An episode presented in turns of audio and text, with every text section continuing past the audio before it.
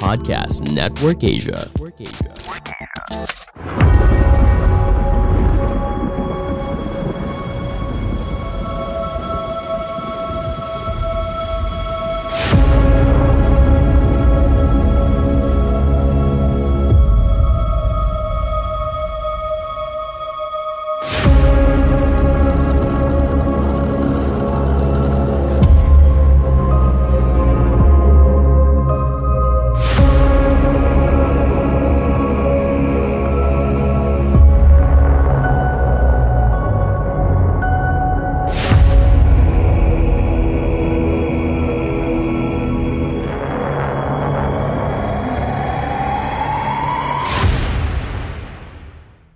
Halo semuanya, selamat datang di podcast dengerin horor. Ya, balik lagi dengan gue di sini Em, di episode terakhir di bulan Maret. Sebenarnya ini nanggung ya antara terakhir atau yang pertama di bulan April gitu kan. Soalnya ini diupload tanggal 31 Maret, sementara besoknya tanggal 1 April gitu. Jadi antara episode terakhir bulan Maret atau episode pertama di bulan April. Tapi ya udahlah, nggak peduli gue mau pertama atau terakhir. Yang penting ini eh, episode ini bakal membahas tentang sebuah cerita yang berkaitan dengan em, bisa dibilang tata krama ya. Karena jika kita di sebuah tempat atau di suatu tempat itu alangkah baiknya kita mencari tahu dulu sejarah dan kisahnya gitu loh. Kayak misalnya gue kemarin minggu lalu habis dari Bali dan pas di Bali gue dititip pesan sama temen gue katanya kalau bawa motor atau bawa mobil tuh jangan terlalu tepi-tepi banget gitu. Maksudnya di orang Bali sana kan kayak banyak yang eh, beragama Hindu ya. Nah mereka tuh kayak ngasih sesajen gitu depan rumah dan kita kayak nggak boleh gitu loh. Maksudnya nggak boleh asal sembarangan lewat. Takutnya, takutnya ntar keinjek gitu kan. Jadi ya kita harus hati-hati aja gitu. Ya intinya di semua tempat itu punya tata krama masing-masing gitu kan. Dan banyak berbagai macam jenisnya gitu. Salah satunya tadi di Bali. Oke. Jadi ini judulnya bahas maksudnya judulnya tentang peristiwa aneh sebelum hari pernikahan. Kalau judulnya sih namanya Oyot Mimang ya. Oyot Mimang. Gue nggak tahu apa artinya coba yang tahu tolong di reply atau dibalas DM atau di DM gue di Instagram. Gue nggak nggak ngerti apa ini apa nih Oyot Mimang ini. Intinya garis besarnya adalah peristiwa aneh sebelum hari pernikahan. Oke ini dari akun Twitter @nugro agung ya. Cerita ini nyata ya. Iya November 2016 adalah bulan yang saya nantikan. Pada bulan itu, saya akan melangkah ke tahap yang lain dalam hidup saya, yaitu pernikahan. Ini sudah menjadi penantian yang panjang setelah enam tahun berpacaran sejak awal kuliah. Saya bekerja di Jakarta, rumah di kota Tegal, sedangkan calon istri berada di Banjarnegara. Kondisi ini yang mengharuskan saya mengatur waktu dan acara dengan lebih cermat, menyesuaikan cuti dari kantor, dan juga mempersiapkan segala keribetan pesta pernikahan. Akhirnya kami sepakat tanggal 14 November kita memutuskan melangsungkan akad nikah di Banjarnegara tanggal 20 November. Baru setelah itu kami adakan pesta sederhana di kota Tegal. Setelah itu saya memboyong istri untuk hidup bersama di Jakarta. Bidi. Keren keren.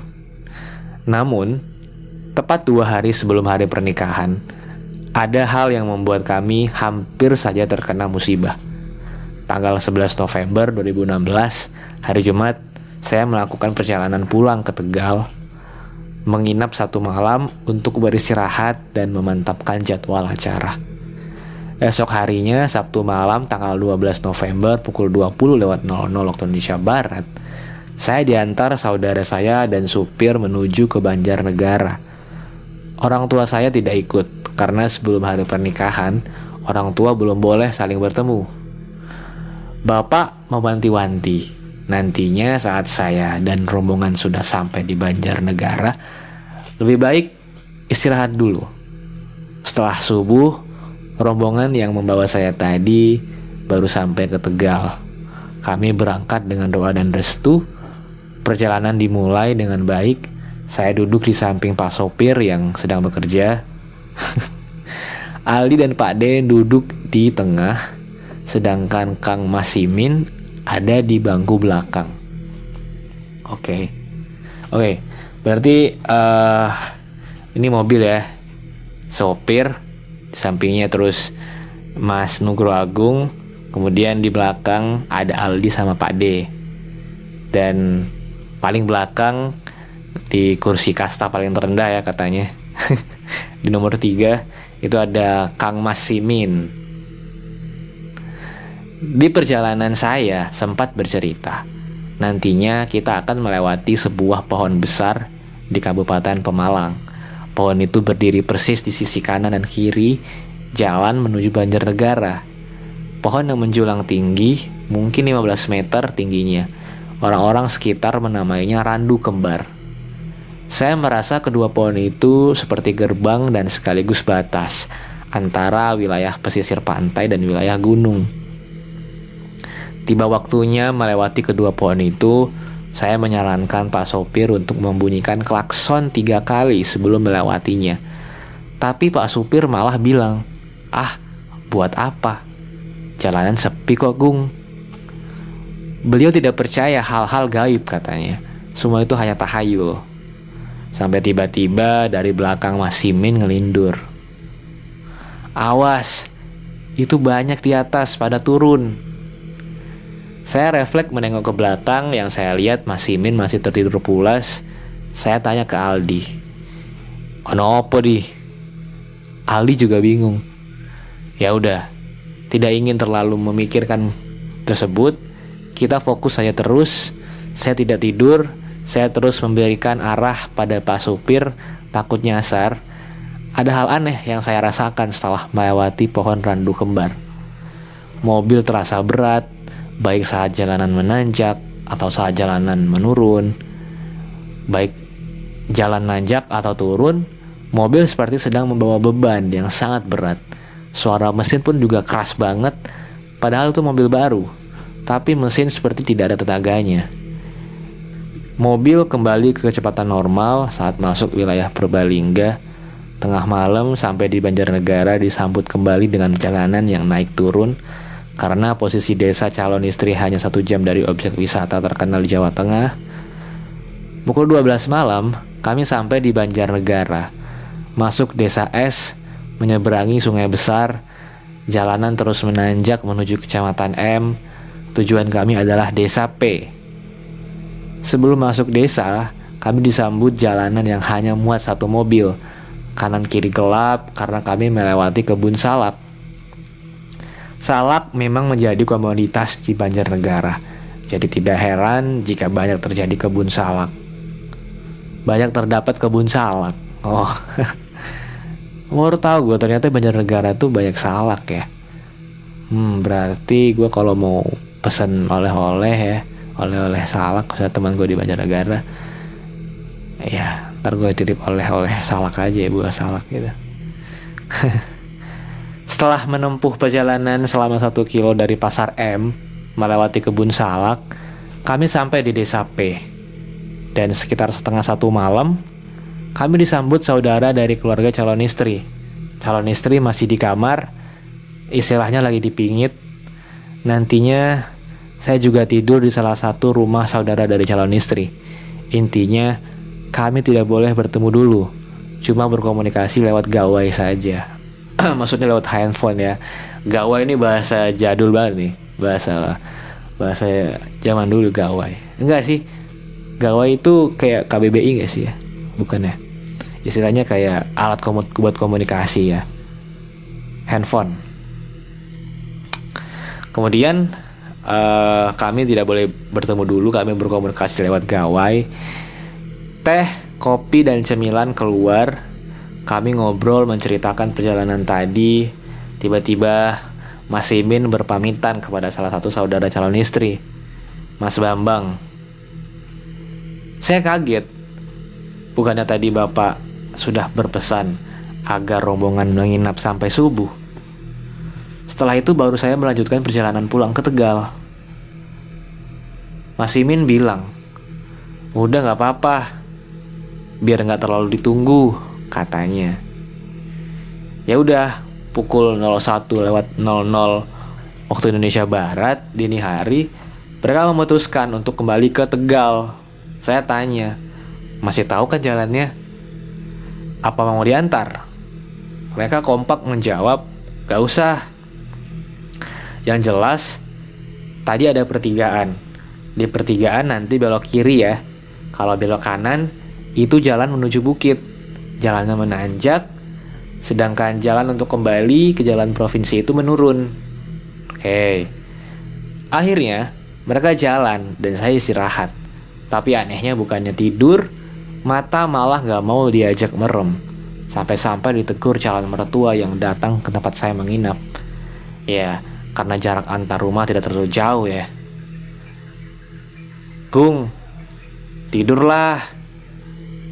Istirahat dulu, kata ibu. Saya spontan jawab. Saya baru bisa tidur kalau udah tahu kabar Aldi, Bu. Nah, di situ saya sadar kalau saya tidak punya nomor handphone Aldi. Saya tidak punya nomor handphone orang di mobil tadi. Akhirnya saya telepon kakaknya Aldi yang berada di Tegal. Saya telepon terus kakaknya sampai bangun. Setelah dapat saya langsung telepon Aldi. Tepat jam 2 dini hari, saya mencoba untuk menelpon Aldi menanyakan sudah sampai mana rombongan. Dan setelah saya telepon, Aldi bilang, "Mas, Aku nyasar nih. Di mana di? Ada patokan yang bisa bikin jelas kamu di mana? Kata saya. Mas, ini saya kesasar. Terus kanan kiri kebun salak dan depan saya tebing. Yang di bawahnya tuh ada sungai. Terus saya nanya, apa nggak bisa mundur di? Gak bisa mas, jalannya turun, curam, kami udah mencoba tapi mobil nggak kuat. Ya udah, coba share location aja kamu di, biar mas tahu posisi kamu. Udah mas, udah dicoba berkali-kali, tapi gagal terus. Ya wes, nanti saya cari bantuan. Kamu tahan di situ ya. Oke, saut Adi. Kemudian saya mengabari Bapak di Tegal soal kondisi ini. Kata bapak, kowe kudu tenang. Saya yang tahu kabar Aldi akhirnya mengontak Ana, minta bantuan saudaranya yang punya mobil. Tak lama calon istri saya datang dengan saudaranya, Mbak Siwi dan Mas Bambang. Kami buru-buru ambil keputusan, akhirnya di saat semua orang sedang tidur, kami berempat memutuskan mencari dengan petunjuk yang minim. Kebun salak, gila banyak sekali di sekitar sini kebun salak yang mana kami juga nggak tahu. Ya, tadi kan pasti tanya kamu di mana? Kami di kami kanan kiri kami kebun salak. Terus depan kami curam. Depan kami tebing, bawahnya sungai kan. Kelules banget gitu kan. Sementara di Banjarnegara katanya kan banyak kebun salak ya. Wajar sih kalau si Agung ini bingung gitu kan. Kebun mana ini ya jadi gitu. Terus kemudian keluar dari desa, lurus terus, menembus kebun salak, sampai akhirnya kita sampai di jalan pertigaan. Kita mau ambil ke mana nih? Ambil kanan atau kiri? Nah, sebelum lanjut, kita balik dulu ke Randu Kembar. Saya sempat nanya sama Mas Simin yang ternyata dalam mata tertutupnya merasa banyak sosok yang ada di atas samping kanan dan samping kiri. Randu kembar benar-benar besar. Usianya kayak udah tua banget tapi terlihat kokoh. Oke. Setelah ini kita lanjut lagi ke rombongan yang posisinya entah di mana. Jalan yang benar harusnya ke kiri. Jelas itu jalan pulang, jadi menurun Sedangkan jika mengambil jalan ke kanan, itu jelas menanjak menuju bukit, desa C. Saya berasumsi kalau mereka nggak nggak mungkin kesasar sedekat ini. Kemungkinan udah ambil kiri. Tapi Mas Bambang punya pendapat lain. Itu kalau pakai nalar, Gung. Kalau enggak, kemungkinan mereka ke kanan loh, kata Mas Bambang. Nalar? Jadi pertanyaan besar buat saya. Tiba-tiba saya teringat kejadian waktu Mas Simin ngelindur saat melewati pohon randu kembar. Untuk memastikan saya telepon Aldi lagi. Di, kamu saat tadi jalan pulang, kamu ngerasa jalannya nanjak nggak? Datar mas, halus kok jalannya, kata Aldi. Kamu nggak nemuin apa jalanan terjal atau bebatuan gitu? Enggak mas, lancar, halus, datar aja. Tapi kamu nggak tidur kan? Enggak mas, kami semua sadar jalan yang kami lewati baik-baik aja. Nggak ada yang aneh. Tiba-tiba aja kami berhenti. Pas lihat ke depan, udah ada sungai mas. Kanan kiri kebun salak. Mau mundur jalan nanjak banget. Wah, makin bingung saya. Tapi sepertinya ma pendapat Mas Bambang perlu dicoba. Kalau dilihat dari waktu lama perjalanan, kayaknya mungkin. Akhirnya kita memutuskan untuk belok kanan menuju desa C yang jelas jalannya menanjak. Baru beberapa menit berjalan, kita udah bisa merasakan jalan banyak yang berlubang, lampu penerangan minim, kanan kiri pepohonan. Lalu Mbak Siwi spontan bilang, Anu Gung, gak usah lihat samping kanan atau kiri ya. Saya iakan aja, keadaannya gelap, banyak pohon-pohon pinus, tinggi sampai tiba-tiba saya dibuat diam melihat warna lain di antara pohon dan kegelapan. Ada yang di atas pohon bergelantungan, ada yang di pinggir jalan, bentuknya tinggi besar, ada juga yang hanya kepalanya aja, ada yang dibungkus kain, ada sosok wanita, banyak sekali. Dan ada yang diam menatap kami, loncat-loncat di atas pohon, tertawa, tersenyum, memainkan dahan, menangis, dan ada banyak bentuk dan ekspresi yang saya lihat saat itu. Mereka berkumpul di kanan kiri jalan, dan kami lewat di tengahnya. Rasanya mereka seperti sedang memperhatikan kami yang lewat. Saya cuek, saya tidak ingin membuat calon istri saya takut, dan nantinya malah terjadi kepanikan. Dulu saat kami kuliah, Calon istri sering mendapat gangguan saat di kosan, sampai trauma dan mengharuskan dia buat pindah kos. Saya sudah beberapa kali mengalami kejadian mistis dari kecil, jadi masih bisa menahan untuk bersikap biasa. Walaupun ini pertama kalinya, saya melihat dalam jumlah yang banyak. Kami masih terus berjalan, mobil yang kami gunakan jenis sedan tahun 90-an. Sejauh ini perjalanan kami aman, tidak ada gangguan yang sifatnya membahayakan. Sampai akhirnya perjalanan terpaksa kami hentikan. Kami semua terkejut dengan apa yang kami temukan. Jalan di depan kami terputus. Di depan kami ada jembatan yang menghubungkan ke desa C. Putus karena longsor. Semakin yakin saya kalau nggak mungkin ke sini arahnya. Saya turun dari mobil, berjalan ke ujung jembatan yang putus, berdiri melihat tanah yang menurut sangat curam, masih ada rumah di pinggir jalan, dan ada juga rumah yang tinggal menunggu waktu saja untuk roboh ke bawah. Dari arah belakang kami ada truk pengangkut salak yang mau lewat. Truk itu jadi penanda bagaimana bisa menuju desa C. Kemudian, truk itu turun ke sisi kanan jembatan, terus ke bawah, melewati bawah jembatan yang longsor tadi.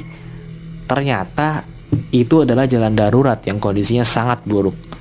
Jalan penuh bebatuan besar, tanah campur lumpur dan becek, aliran sungai sedikit dibendung agar tidak terlalu deras arusnya, dan hanya kendaraan besar saja yang bisa lewat.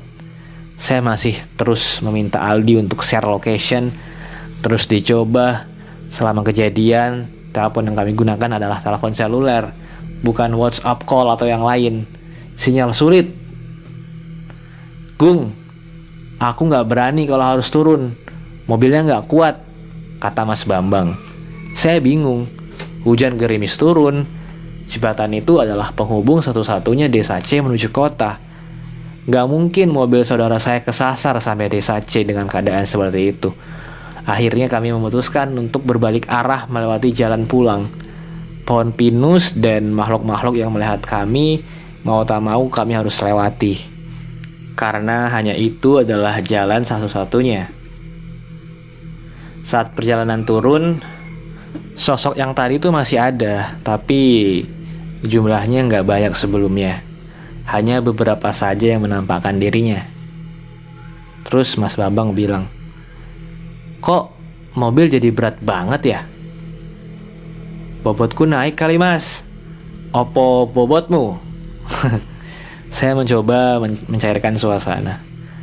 Kami masih sempat senyum-senyum kecil yang sebenarnya panik.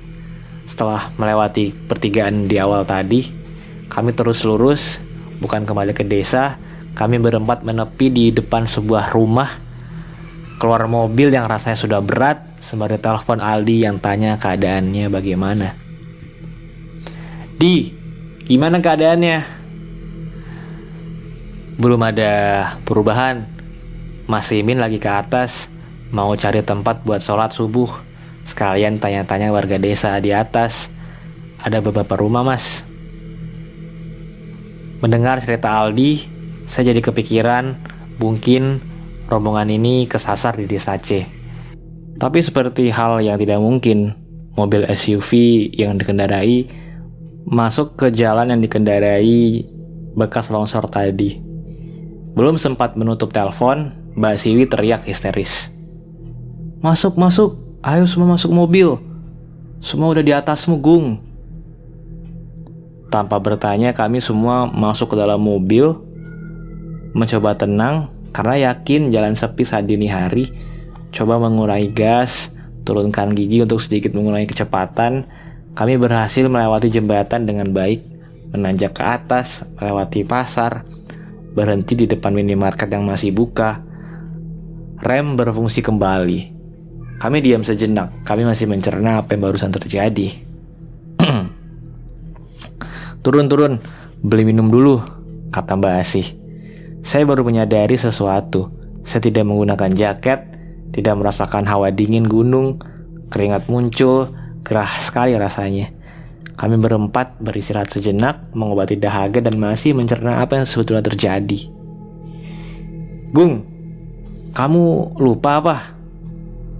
Celetuk Mbak Asih. Memang lupa kenapa Mbak? Kamu dan anak kan mau menikah. Pamali lah jam segini masih di luar. Kamu jadi inceran. Calon pengantin baru, sasaran empuk untuk dijadikan tumbal. Banyak yang mengincar kamu. Saya cuma diam. Rasanya seperti dipancing untuk keluar. Bodohnya karena panik saya dan Ana lupa kalau sebentar lagi akan menikah. Sudah begitu kami melanggar kebiasaan orang Jawa sebelum menikah. Ya kami terpaksa bertemu karena harus mencari tahu lokasi saudara saya. Akhirnya kami memutuskan untuk pulang kembali ke desa P. Suasana di depan rumah sudah ramai. Para orang tua langsung memberikan nasihat bahwa kami harusnya tetap di rumah. Kemudian kami mencoba menelpon Aldi saat selesai kumandang azan subuh. Halo Di, kondisi pie? Gimana kondisi? Halo Mas, Mas, kami udah tahu posisinya.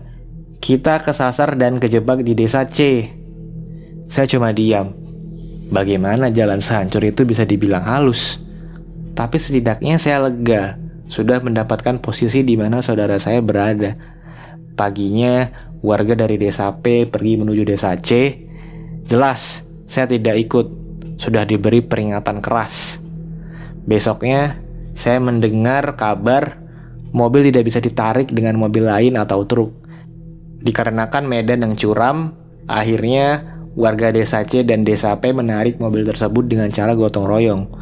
Total ditarik 30 orang.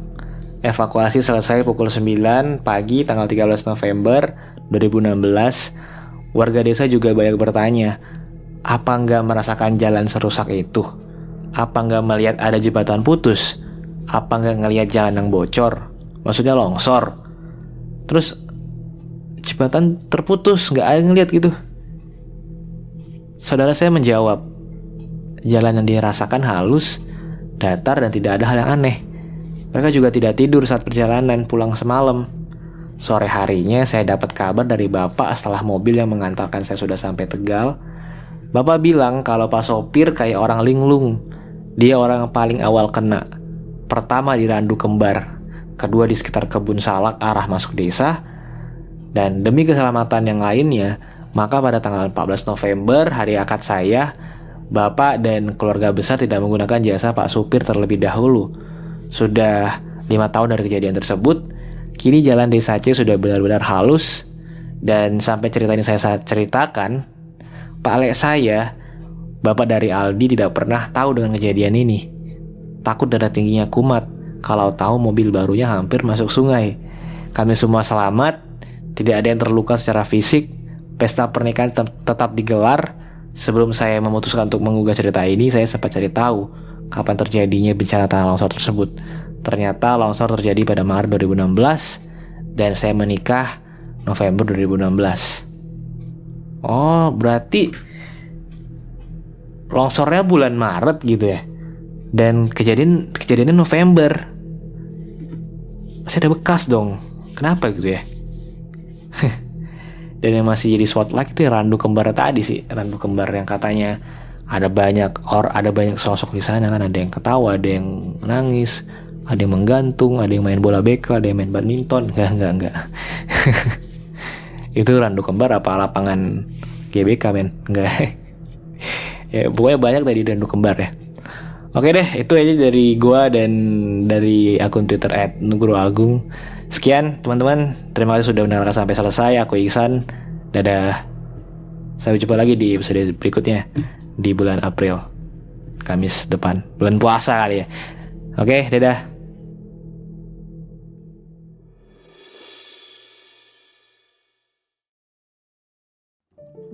Pandangan dan opini yang disampaikan oleh kreator podcast, host, dan tamu tidak mencerminkan kebijakan resmi dan bagian dari podcast Network Asia.